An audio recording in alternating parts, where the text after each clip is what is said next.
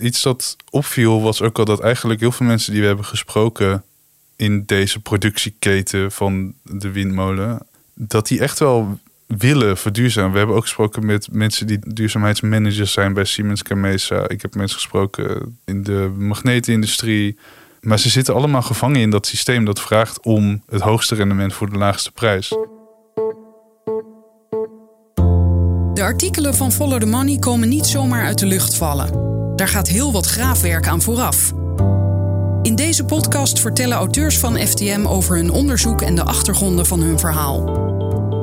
Frederik vraagt door. De podcast van Follow the Money. Luc van der Sterren en Darko Lagunas, welkom in de podcast. Hi. Luc, jij werkt al langer bij Follow the Money. eh, als eindredacteur, als ik ging, wilde alle dingen gaan opschrijven. Toen dacht ik, je bent eh, lange tijd gewoon duizendpoot geweest op de redactie. Je hebt allerlei zaken helpen opzetten, want je werkt er al jaren. Darko, jij bent socioloog, milieusocioloog zelfs. Je publiceerde al op andere plekken, maar je hebt nu je eerste stuk onlangs gepubliceerd bij Follow the Money. Jullie hebben daarvoor samengewerkt en dat stuk heet De weg naar groene energie is een smerige zaak. En aangezien het binnenkort wordt vertaald in het Engels voor ftm.eu, vroeg ik me af, hoe zeg je dat in het Engels, Darko? Mm, nou, ik moet gelijk denken aan eh, The road to green energy is paved with good intentions. Ehm, maar dat is een beetje een, eh, woordspeling. Ehm, ja, hoe zouden we dat vertalen, Luc? Ik heb hier echt nog helemaal niet over nagedacht. Ik, ik denk dat ik hier een hulplijn voor nodig ga hebben van Karin, maar die is hier niet. Dus Karen is de eindredacteur. ja. Eh, Follow the Money doet dit sinds een tijdje. Hè? Sommige artikelen worden vertaald in het Engels voor ftm.eu. Welk publiek wil Follow the Money daarmee bereiken? Het doel dat daarachter zit is om. We willen meer internationale samenwerkingen aangaan. Er zijn in Europa een hele hoop goede onderzoeksjournalisten. Maar lang niet al die onderzoeksjournalisten hebben de luxe van eh, de, het leden gebaseerde inkomen dat the Money wel heeft. On- Onze hoofdredacteur Erik Smit heeft daar ook nog een stuk over geschreven. Wij willen die samenwerkingen aangaan. En we willen ons daarmee richten op een Europees publiek. Publiek dat bijvoorbeeld in Brussel zit en in andere Europese hoofdsteden en andere Europese landen. Ja, omdat gewoon gebleken is dat internationaal samenwerken in onderzoeksjournalistiek gewoon heel veel op kan leveren. We hebben al meerdere projecten gedaan waaruit dat eh, duidelijk bleek.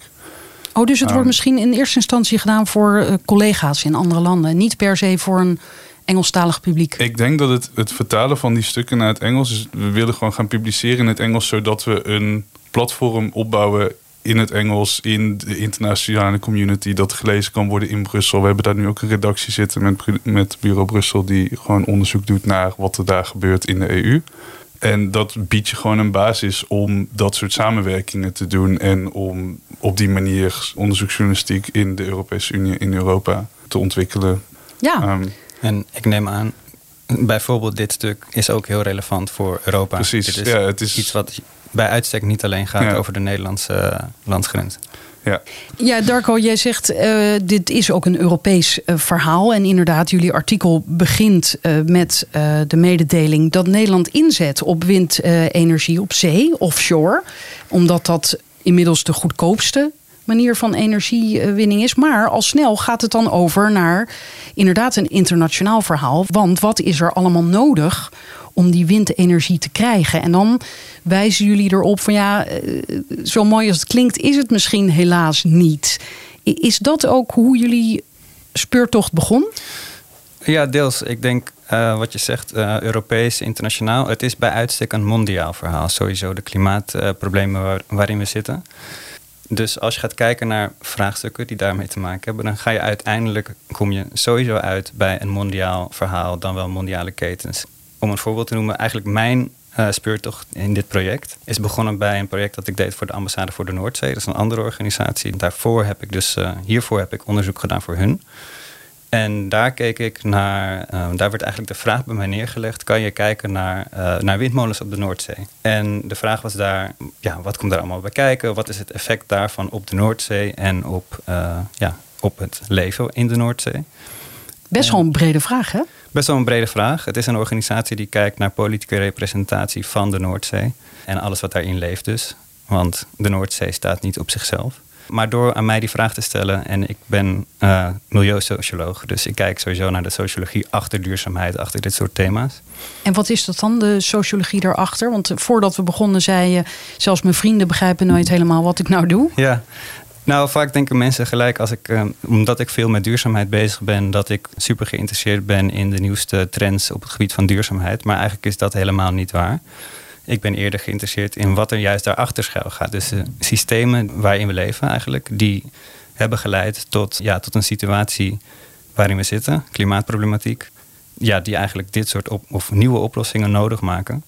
Maar tegelijkertijd dat die oplossingen die we verzinnen, of die eigenlijk continu, continu worden aangedragen, niet per se het systeem veranderen, maar een voortzetting zijn van die systemen. En een mooi voorbeeld daarvan staat eh, vrij in het begin van het stuk, Luc. Uh, in Zweden is dat aan de hand. Daar worden stoffen vandaan gehaald die nodig zijn voor die windmolens. Ik denk dat het een goed voorbeeld is van wat.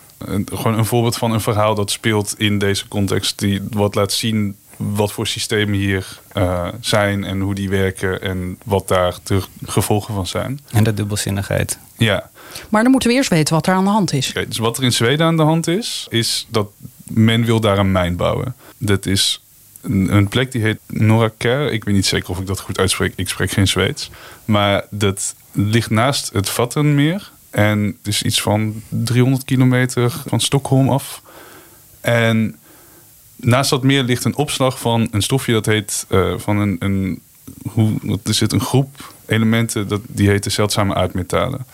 En die zeldzame aardmetalen zijn super belangrijk, want we hebben ze nodig voor lasers, voor smartphones, voor elektrische auto's, voor windmolens, voor allerlei soorten technologieën en ook zeker allerlei soorten technologieën die de energietransitie mogelijk maken. We willen die zeldzame aardmetalen graag hebben en we willen ze graag hebben in Europa. Want op dit moment komt bijna al dat spul uit Azië en eigenlijk specifiek uit China. Omdat we minder afhankelijk willen zijn van China, willen eh, als Europa hebben besloten: hey, we gaan kijken waar in Europa mijnen van dit soort uh, deze metalen mogelijk zijn. En Zweden is één plek. Het nadeel, dat is waarom het een zaak is en ook waar wij over schrijven, is dat de productie van die zeld, nou sowieso het bouwen van een mijn, maar ook het, specifiek de productie en raffinage van zeldzame aardmetalen is ontzettend vervuilend. En dat meer is een van de grootste zoetwatermeren, geloof ik, van Europa. Het is in geval van droogte mogelijk een bron van drinkwater voor 300.000. Eh, nou, Sowieso Stockholm. Ja, voor heel Stockholm, voor honderdduizenden mensen. En het is een Natura 2000 gebied. En op het moment dat je daar een mijn neerzet en dingen gaat, eruit gaat halen waarbij de raffinage allerlei radioactiviteit veroorzaakt, dan bestaat het risico dat dat water vervuild raakt. En dat zou onomkeerbaar en rampzalig zijn. Ja, dus als je daar naast woont, dan wil je dat liever niet. Nee. Ja, het is inderdaad een interessant voorbeeld in Zweden. Omdat, zoals Julie Klinger, geograaf, uh, die we hebben gesproken voor het onderzoek en veel hebben geciteerd in het stuk, zij legt er bijvoorbeeld uit dat in Zweden heb je dus dit depot. En zoals uh, Luc net al zei, er is heel veel, een groot risico op vervuiling van dat meer met radioactief afval. Wat dus van die rare earths komt, van die zeldzame aardmetalen. Uh, maar er zit een soort van een dubbele laag uh, daar. Want je hebt aan de ene kant heb je dus alle belangen, eigenlijk mondiaal en Europees, van die groene uh, energietransitie. En aan de andere kant heb je lokale belangen van mensen die daar wonen en die dus eigenlijk hun directe habitat, waar ze van afhankelijk zijn, hun drinkwater, hun grond, op het spel zien staan. En ja, dat is eigenlijk een politiek belangenspel waar ook heel veel voor gelobbyd wordt op Europees niveau en ook natuurlijk lokaal door het bedrijf wat daar zit, Leading Edge Materials. En ja, wie gaat die strijd winnen? Dat is eigenlijk heel interessant. En welk, welk belang komt uiteindelijk uh, bovenop uit als de winnaar? En wat gaat er vervolgens mee gebeuren? En als je dus nu kijkt op, uh, op grotere schaal met uh, alle spanningen tussen Rusland en Europa. En je kijkt naar die afhankelijkheid dus van China, wat ook ja, geopolitiek toch een, hè, een wel een, een, een, tegenstander is van, van Europa. Er zijn wat spanningen er zijn spanningen, dan, um, uh, ja, dan, komt, dan worden die belangen nog groter. En is dit uh, meer in Zweden? Als het niet doorgaat, uh, kan Europa dan meteen ook nooit meer op dit vlak althans onafhankelijk, zelfvoorzienend worden? Uh, nou, er zijn heel veel uh, bronnen van zeldzame aardmetalen, maar dit is de grootste in Europa voor zover bekend. Ja, dat is ook interessant, want jullie zeggen ze heten zeldzame aardmetalen, maar eigenlijk zijn ze niet zeldzaam. Nee, dit- hoe dit zit, dit, deze naam is ooit ontstaan omdat het in de 19e eeuw iemand in Zweden heeft het eerste metaal uit deze groep gevonden en dacht dat het zeldzaam was. Dus toen hebben ze het zeldzame aardmetalen genoemd. Of zeldzame aarde-elementen is correcter, want er zijn er ook een paar die technisch niet metalen zijn, maar zeldzame aardmetalen, eh, de dingen waar wij het over hebben, zijn metalen. Ehm, dit is ze het hebben genoemd, maar ze zijn zeker niet eh, allemaal even zeldzaam. Wat vooral ingewikkeld is, is dat ze vaak geclusterd worden gevonden.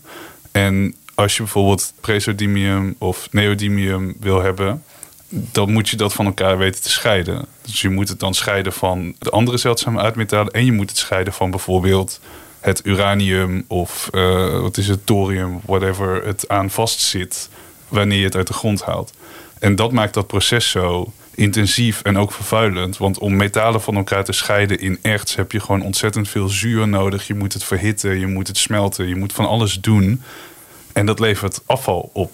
En, dat, gebeurt ook altijd ter plekke bij de mijnen? Of zou je het ook daaruit kunnen halen en dan heel eind verderop? eh, Ja, dat, zeker, dat doen ze.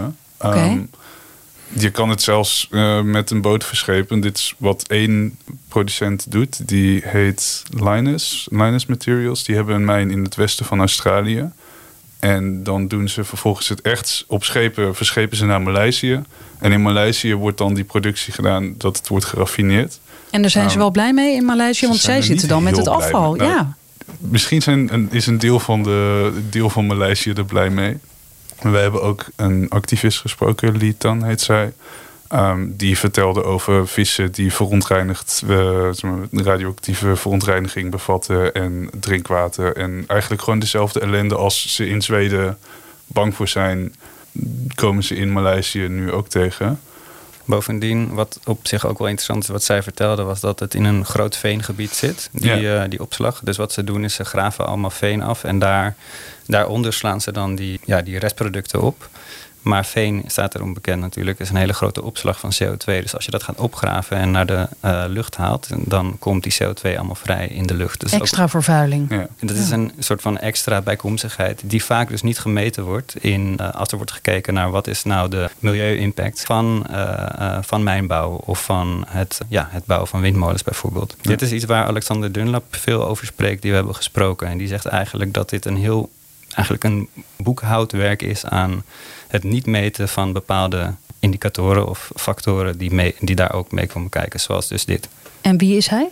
Alexander Dunlap is een eh, antropoloog die, eh, die heel veel onderzoek doet naar dit, eh, dit soort onderwerpen. Hij doet vooral onderzoek naar groene mijnbouw en windturbines wereldwijd. Waren jullie nou aan het begin van jullie onderzoek al meteen bij, dat, bij die tegenstelling eigenlijk van we willen groene energie, of de meeste mensen willen dat en geloven daarin en zetten daarop in. Nederland zet erop in. Maar er zit wel een vies randje aan, of kwamen jullie daar gaandeweg pas achter? Ik denk dat dit eigenlijk vanaf het begin al was. Want dit is ook eigenlijk de eerste keer dat ik Tarko ontmoette. Toen hebben we het hierover gehad dat hij dus bezig was met die windmolens. En met de effecten daarvan. Ja, dit kun je beter zelf vertellen. Ook wat het in de Noordzee bijvoorbeeld doet. Ehm, Ja, dus ehm, volgens mij heb ik dat net even verteld Ja. over het werk wat ik samen met de ambassade van de Noordzee doe. Ja, Waar we dus kijken naar windparken in de Noordzee. En eh, daar ben ik dus gevraagd om te kijken naar de windmolen op zich. En omdat ik al langer onderzoek doe naar duurzaamheid en de achterkant. De sociologie van duurzaam moet ik het noemen. eh, ja, kijk ik eigenlijk naar die systemen daarachter. En dit is eigenlijk best wel bekend. Nou, het is eigenlijk heel bekend. Ah, Je, we moeten maar naar willen kijken. Dus er is heel veel onderzoek, heel veel eh, over geschreven. Eh, maar het is wel een kant van duurzaamheid die vaak niet belicht wordt. Eh, Ja. En ik denk dat dat op zich ook wel misschien een leuk bruggetje is naar de reacties op ons stuk. Omdat je daar ook in ziet dat heel veel mensen die lezen dan dit stuk wat wij hebben geschreven. Wat dus gaat over die achterkant of die, dat, dat, dat smerige randje van groene technologie, in dit geval windmolens. Ehm, en er zijn eigenlijk drie kleuren reacties. De ene zegt, dan moeten we maar eh, nucleaire energie. De ander zegt, eh, eh, ja, zie je wel dat, eh, dat we helemaal niet eh, naar groene energie moeten. We moeten do- gewoon door blijven stoken met fossiel. En de anderen zeggen, ja, eh, vervelend die problemen met groen, maar we moeten toch wat. En dit is de oplossing nu, dus laten we vooral vooruit gaan. ja, Dus die, Je hebt ook mensen die reageren. Oh, wat een goede nuance. Dit wist ik niet. pardon, sorry voor iedereen die dat Dus inderdaad niet, niet heeft iedereen reageert maar dat is familie van jou. Mm, nou, die vond het ook heel interessant. Maar nee, er zijn echt zat mensen volgens mij die ook gewoon... ehm, ja, die snappen wat... Ja, ik zeg nu dat mensen het niet snappen. Ik denk mensen die anders kijken... of die een beetje onze instelling eh, ook hebben... in het bekijken van die problemen. Denken, oké, dit is belangrijke nuance. We moeten zoeken naar oplossingen. En die oplossingen zijn er ook. Dus het is niet een, een soort of-of zwart-wit, eh, zeg je dat, zero-sum game waarbij iemand moet verliezen en eh, de ander moet winnen. Het is een leerproces, zo leest het ook een beetje. Van we zijn er nog niet helemaal. J- jullie zijn ook naar een windmolenbouwer gegaan, Siemens in Duitsland. Siemens Gamesa. Ja. Ja. Oké, dat is een eh, belangrijke nuance of eh, een- aanvulling, hoor ik. Nou, Ja. Siemens Gamesa is de, is de fusie. Oké. Eh, dus zonder Gamesa was het geen wind, grote windmolenbouw zo, Ja, zoals het nu het is, geweest. Het was een Spaans windmolenbedrijf en dat is overgenomen door Siemens. Wat ook, Siemens bouwde ook al windmolens en nu is dat hoe het heet. Maar het is eigenlijk gewoon Siemens. Ehm, Hoe ging dat bezoek? Werden jullie met open wieken ontvangen? we mochten niet in de fabriek kijken. ja. Oh nee? Nee, we, mochten, we, mo- we kregen een rondleiding over het terrein, maar we wilden eigenlijk heel graag ehm, context. Dit is een plek in Noord-Duitsland. Die heet Cuxhaven. is een oud vissersdorpje waar de visindustrie niet meer super relevant is, maar dat nu een soort revival heeft. Want de windindustrie heeft daar nu faciliteiten zitten. Siemens Gamesa bouwt de windmolens die op dit moment in de Noordzee worden gezet eh, in Windpark Hollandse Kust Zuid. Dat is het grootste windpark offshore ter wereld, geloof ik. Hè, we zetten na jaren zetten wij ook in op of tenminste grootschalig in en dan worden we meteen het home. grootste weer. Ja. Is dat is dat echt waar? Ja, maar niet voor lang. Want Als we Vattenfall mogen geloven, is dat in ieder geval de waarheid. Oké. Maar over een paar jaar komen er grotere parken. Maar die parken worden gewoon steeds groter. De windmolens worden groter, de parken worden groter. Ja. Op dit moment is het grootste offshore windpark ter wereld wordt in Nederland voor de kust neergezet. Ik was toevallig een week geleden op het strand van Bloemendaal. Je kan ze ook zien. Het was volgens mij niet de bedoeling, maar dat kan toch. Wa- Wat was niet de bedoeling? Volgens mij was het idee dat ze ver genoeg stonden dat je ze niet zou kunnen zien, maar dat er niet helemaal was ge- niet helemaal goed was bedacht hoe helder het zou kunnen zijn. En nu zie je ze toch staan. Maar dit heb ik van mijn vriendin, dus ik weet ook niet helemaal zeker. Je hebt maar één is. bron. Ja, En, ik heb eh, maar- één bron. Eén bron is geen bron. En dit nieuwe park wordt gebouwd in het noorden van Nederland.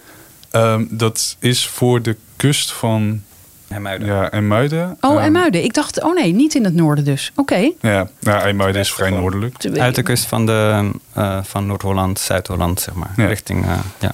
Het punt is, dat park heet Hollandse Kust Zuid. Daar komen 140 windmolens. En die windmolens zijn gigantisch. Eh, die produceren ieder 11 megawatt aan eh, energie. Ze worden, ik geloof dat de wieken zijn bijna 100 meter lang per stuk. Dus dat hele ding is meer dan 200 meter hoog. Hoger dan de Euromast, hoger dan alle gebouwen die we in Nederland hebben staan. Ehm, en die worden allemaal gebouwd door Siemens Gamesa. En in onderdelen vanaf verschillende plekken in Europa naar dat park toe verscheept. eh, op hele grote transportschepen. Wat in Duitsland wordt gebouwd is eigenlijk het hart van die turbine. Dat is de nacelle, de gondel.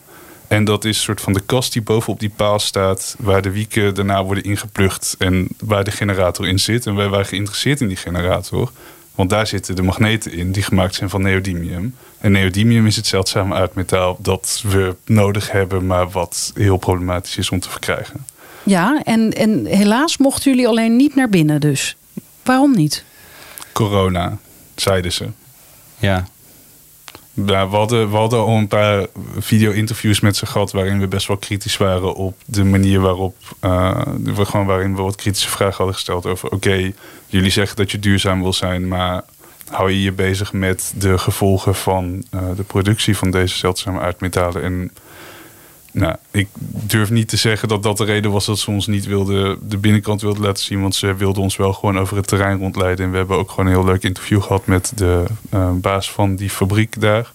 Ehm, het mocht gewoon niet. De, de magneten mochten we niet zien. Eh, maar ja, prima. Ik Helaas. helaas, ja. Maar we hebben een hele mooie rondleiding gehad en foto's mogen maken. Dus in principe werden we wel echt heel eh, Ja, goed ontvangen. En ehm, Maar zeiden ze destijds ook, ja, we zijn ons bewust van eh, zeker. het feit. Dat, ja? ja? dat kan ook niet anders. Nee. Want ehm, kijk, hoe die industrie in elkaar zit. Op dit, moment- mensen hebben magneten nodig, bedrijven hebben magneten nodig. Siemens Gamesa bouwt deze windturbines met een generator die gebruik maakt van magneten met daarin neodymium. Dat zijn hele grote magneten. En eh, er zit heel veel neodymium in één zo'n windmolen. En we gaan er heel veel van bouwen. Zij zijn zich bewust van dat, dat, dat moeten ze zich van bewust zijn, dat, dat, uh, dat daar risico's mee komen. Maar wat ze ook zeggen is, of ik weet niet, zeggen ze dit? Nou, wat in ieder geval duidelijk is, zij hebben gewoon ingezet op deze technologie. Want het is de meest efficiënte, goedkoopste en makkelijkst op te schalen manier om zoveel megawatts uit een turbine te krijgen. En dit bedrijf maakt al verlies. Dus ze kunnen niet overstappen naar een technologie die niet gebruik maakt van die zeldzame aardmetalen. Die is er kennelijk wel. Er zijn er heel veel manieren om het op andere, maar die hebben ook hun eigen problemen. Bijvoorbeeld de windturbine wordt groter, zwaarder, werkt minder op. Ehm, je hebt andere metalen nodig die ook ergens vandaan moeten komen. Ja, ik denk dat uh, uiteindelijk is het een, uh, een schaalvraag. Want uh, we hebben het nu over Siemens Gamesa, maar dit is dus een industriebreed probleem. En uiteindelijk gaat het er gewoon om van hoeveel energie hebben we nodig en hoe snel hebben we dat nodig. Ja is een belangrijke nuance hierbij wel dat dit gaat eigenlijk, de magneten zitten in offshore turbines. Als het gaat om turbines op land, uh, waar dat gewicht ook minder een probleem is en ook de, uh, het onderhoud wat vaak problematischer is daarmee. Op land is dat niet zo'n groot probleem. Dus op land is een heel groot deel van de turbines gebruikt wel andere soorten generatoren. Maar op zee is het bijna allemaal met magneten. Sorry, ik viel je in de reden. Wat wilde jij zeggen? uiteindelijk is het niet alleen maar iets van Siemens Gamesa. Het is eigenlijk een uh, industriebreed probleem. We hebben heel snel heel erg veel nieuwe of groene stroom nodig. En om dat zo snel mogelijk te doen met de technologie die we hebben, is dus neodymium eigenlijk de, de way forward, om het zo maar te zeggen. Als we veel minder zouden verbruiken bijvoorbeeld, veel minder energie zouden gaan verbruiken, dat we ook bijvoorbeeld ons gedrag zouden aanpassen of, of quota zouden invoeren op uh, energieverbruik, dan kijk je al naar hele andere energievraagstukken. Dus de vraag naar energie speelt hierin een hele grote rol, waardoor neodymium eigenlijk de enige oplossing lijkt te zijn. Ja, en jullie zeggen, of jij zei net, Luc, eh, dit bedrijf kiest hiervoor en andere bedrijven, andere bedrijven doen dat ook, eh, zeg jij, Darko. Maar kennelijk, en dan komen we weer een beetje op jouw vlak, de politiek of onze regering kiest hier ook voor. Ja. Is dat, eh, zijn zij zich nog bewust van de, ja, de schade en dat het niet ideaal is? Of wordt daar niet over gesproken? Ja, de overheid is zich van bewust. Want uh, Tom de Bruin, de voormalig minister van Buitenlandse Handel en Ontwikkelingssamenwerking, die uh, was hier heel erg van bewust. En bij zijn aftreden heeft hij ook op een gegeven moment gezegd er ligt nu al jaren een, eh, een, wet op tafel, een initiatiefwet, die bijvoorbeeld uh, kinderarbeid tegengaat. maar die is er nog steeds niet doorheen. Hoe kan dat nou? Er moet nu iets gebeuren en het is hoog tijd. En er zijn allerlei andere initiatief- en wetvoorstellen geweest. En er is een, een politieke lobby en discussie op gang. Maar er gebeurt op dit moment nog niet genoeg qua wetgeving. ja. Maar is dat omdat we inderdaad vinden dat we die energie zo snel mogelijk nodig hebben? Zo van, ja, jongens, we gaan hier later over praten. Zet eerst even die windmolens neer. Het, Zoiets? Het lijkt erop dat dat, ja, dat dat wel het sentiment is. Of dat als er dan wordt gekeken naar oplossingen, dan gaat dat vooral over wat Darko noemt, wetten die uh, corporate due diligence moeten afdwingen. Die ervoor moeten zorgen dat bedrijven meer verantwoordelijk worden gehouden voor waar ze hun grondstoffen vandaan halen. Wat goed is, daar ben ik ook voor. Maar wat met zeldzame aardmetalen aan de hand is, is dat het is echt ontzettend moeilijk om dat op een manier te doen die geen vervuiling oplevert. En er is nog een ander ding, namelijk dat we besluiten om mijnen te bouwen om dat spul te winnen. Terwijl dat ook niet per se hoeft. En dat heeft uh, Julie Klinger ook tegen ons uh, gezegd. Dat zit ook ergens in ons stuk. Wij, vertelt zij dat je kan veel meer recyclen. Niet alleen zeldzaam aardmetalen, allerlei soorten metalen en grondstoffen dan we nu doen. Zelfs die oude meren van dan niet zeldzaam aardmetalenmijn, maar bijvoorbeeld een kopermijn of uh, whatever, andere soort een ijzermijn. Daar liggen ook van die meren met restafvalwater nog steeds in, in verlaten mijnen. En je kan die meren daar kun je die zeldzame uitmetalen ook uithalen als je daar een technologie voor ontwikkelt. Volgens mij is die technologie er zelfs al. Maar die is waarschijnlijk duur of duurder. Het vereist een investering. Ja. We zijn, en we zijn niet gewend om te investeren, zegt zij, in dat soort zaken. Wat, maar dat is eigenlijk heel raar. Want we zijn wel gewend om te investeren in het bouwen van een mijn. Dus in Zweden moeten we een gat in de grond gaan graven en alle milieuvervuiling die daarbij komt voor lief nemen. En dat accepteren we. Ook dat die mijn, dat is ook het geval met dit soort mijnen, ze zijn niet meteen winstgevend. Het duurt 12 jaar uh, voordat zo'n zeldzame aardmetalenmijn winstgevend wordt. Maar dat accepteren we omdat we dit gewoon gewend zijn. Dus er zijn allerlei soorten projecten, programma's en, en initiatieven die dit stimuleren. Dat kunnen we ook gebruiken om het te recyclen. Maar dat doen we nog niet in de hoeveelheid die daarvoor nodig is. Is China nou nog steeds marktleider op dit vlak? Ja. Doen zij het ook veel goedkoper?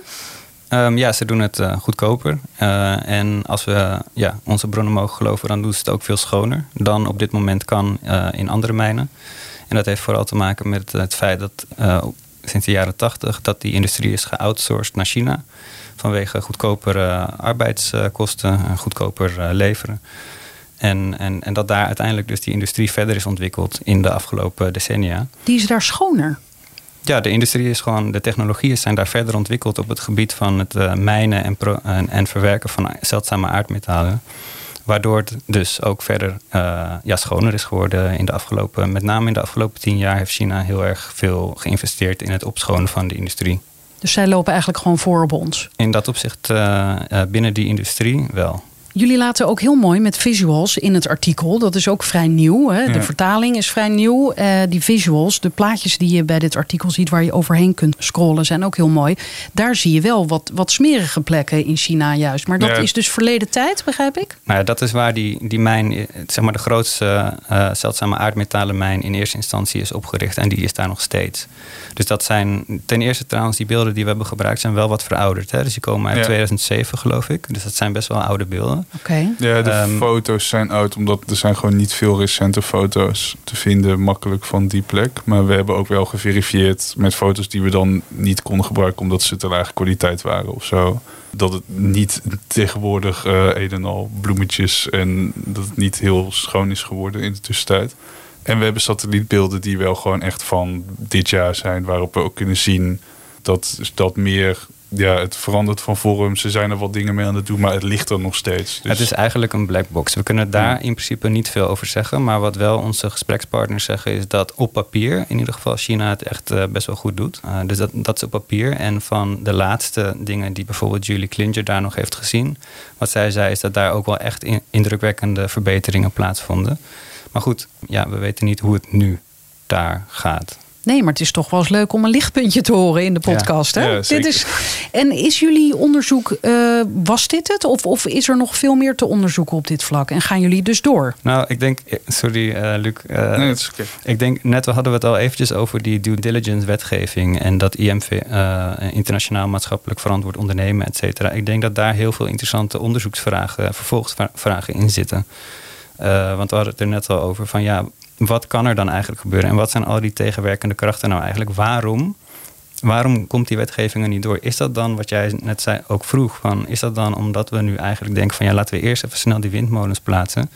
Als dat, als dat het argument is of het onderliggende sentiment, dan is dat wel heel interessant en heel goed om kritisch te gaan bevragen. Ja, en best kortzichtig ook. Behoorlijk. Ja, ik zou hier nog bij willen toevoegen dat dat internationaal maatschappelijk verantwoord ondernemen slaat natuurlijk niet alleen maar op bedrijven in de, sector van, de van duurzame energie, de energietransitie. Dus er is een veel grotere corporate zeg maar, belangenspel dat daar ook speelt. Het is interessant om te zien dat ook in een sector waarvan we eigenlijk denk ik, collectief een beetje hopen dat het een ethische plek is dat daar gewoon diezelfde belangen spelen. Dit is eigenlijk ook een beetje het thema wat wij altijd tegenkwamen. Ook iets wat we in het begin noemden. Die afweging van belangen tussen... Oké, we moeten nu snel transitie, maar hier is een ecosysteem dat we daarmee aantasten. Um, ja, het is wel inderdaad, als je het leest, ja, ja, ik dacht ook van, oh nee, wat is er nu mis? We gaan toch, we zijn juist toch goed bezig met die windenergie. Helaas. Nou, dat valt te bezien, ja. Maar, maar goed, maar het, wat, wat hoopvol is, en dit, ik het is ook iets dat ik meer terug zie. Misschien ook omdat ik er zelf wat meer op let. Maar um, wat ik ook veel lees. Ik weet niet, ik las een Vrij Nederland van de week. Met interviews erin. Daar stonden drie interviews in die gingen over. We moeten echt fundamenteler gaan kijken dan. Hoe kunnen we zoveel, zo snel mogelijk zoveel mogelijk zonnepanelen in ons land zetten. En dat. Maar, we kunnen dat gewoon doen. Dat is niet een onmogelijke opgave om na te denken over. Hey, hoe kunnen we stoppen met oneindig te groeien? Daar is, en er lijkt een groeiend bewustzijn te zijn dat dat ook nodig is. En dat dat een veel betere of ja, daadwerkelijk duurzamere manier is om om te gaan met deze klimaatcrisis die we hebben. Maar het moet wel gebeuren. We moeten die keuze wel echt gaan maken. Want als we dat niet doen, dan blijven we gewoon het vuur, zeg maar, het ene brandje blussen door op een andere plek een nieuwe aan te steken. Ja, en ook dat uh, gesegmenteerd kijken. Want je kan en minder energie gaan verbruiken. Dus en, en economisch wat minder groei vragen. En groene technologie bijvoorbeeld gaan uh, ontwikkelen. Dat, dat, dat kan, zeg maar, als je die... Groenere, want dit is groene. Ja, maar... groenere. Ja, dus als je bijvoorbeeld op een kleinere schaal um, windmolens bouwt dan zijn er best wel schonere alternatieven mogelijk. En als je dat dan op een nog kleinere schaal doet, dan wordt het steeds schoner eigenlijk. Maar het gaat ook dus echt om die schaalvraag die het ook echt vervuilend maakt. Want dan moet je ja, uh, de kosten uiteindelijk ergens anders wegduwen. En op dit moment is dat op ecosystemen, biodiversiteit en lokale communities die we niet zien. Ik denk dat hier, wat hier nog iets, iets interessants is om hierover te zeggen, uh, is ook de politieke keuze die wij maken als het gaat om welke belangen vragen we gewoon om bij het bouwen van die windparken. Uh, want Nederland, het, ding met Hollandse Kust Zuid is dat is het eerste offshore windpark ook ter wereld dat subsidievrij is gebouwd. Daar waren we heel trots op. Dat staat ook prominent op die website. Zonder subsidie. Want dat betekent, we hoeven niet te compenseren wat het verschil is in de prijs van die stroom met uh, als we het uit gas of kolen zouden halen. En dat is mooi, het is hoopvol, dat wordt gevierd, want het betekent: hey, wind is nu rendabeler dan, dan fossiel. En als je slim wil investeren als land of als bank, of, dan stop je je geld niet meer in olie, maar in windenergie. Het ding is dat die windenergie zo rendabel en zo goedkoop en zo efficiënt is, omdat het gebruik maakt van deze technologie. En omdat eigenlijk op ieder stapje in die productieketen wordt rendement bovenaan gezet. Dus krijg je iets dat kan concurreren op prijs met kolen, maar wel veel vervuilender en schadelijker is dan het hoeft te zijn, omdat het moet concurreren. En we kunnen ook de keuze maken om te zeggen, nou, dan blijft er nog wat langer subsidie op zitten en dan compenseren we het wat meer. Maar dan stellen we wel eisen aan hoe, wat de milieu-impact ervan is. Maar die keuze kunnen, ja, volgens mij maken we die keuze op dit moment ook niet. Dus het zijn ook gewoon dat soort dingen die we kunnen doen, die al een verschil kunnen maken, waarvoor we niet ons hele, onze hele wereldeconomie om hoeven te gooien.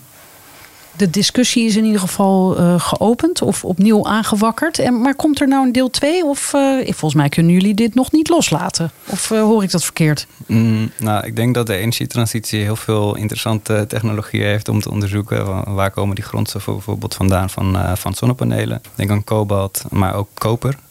Wat uh, ja, alles aan elkaar verbindt. Of aluminium.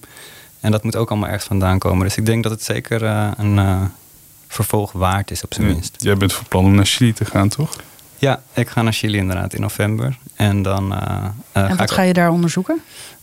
heel veel verschillende dingen. Maar een van de dingen die ik ga doen is: ik ga langs een aantal communities die ik daar al ken.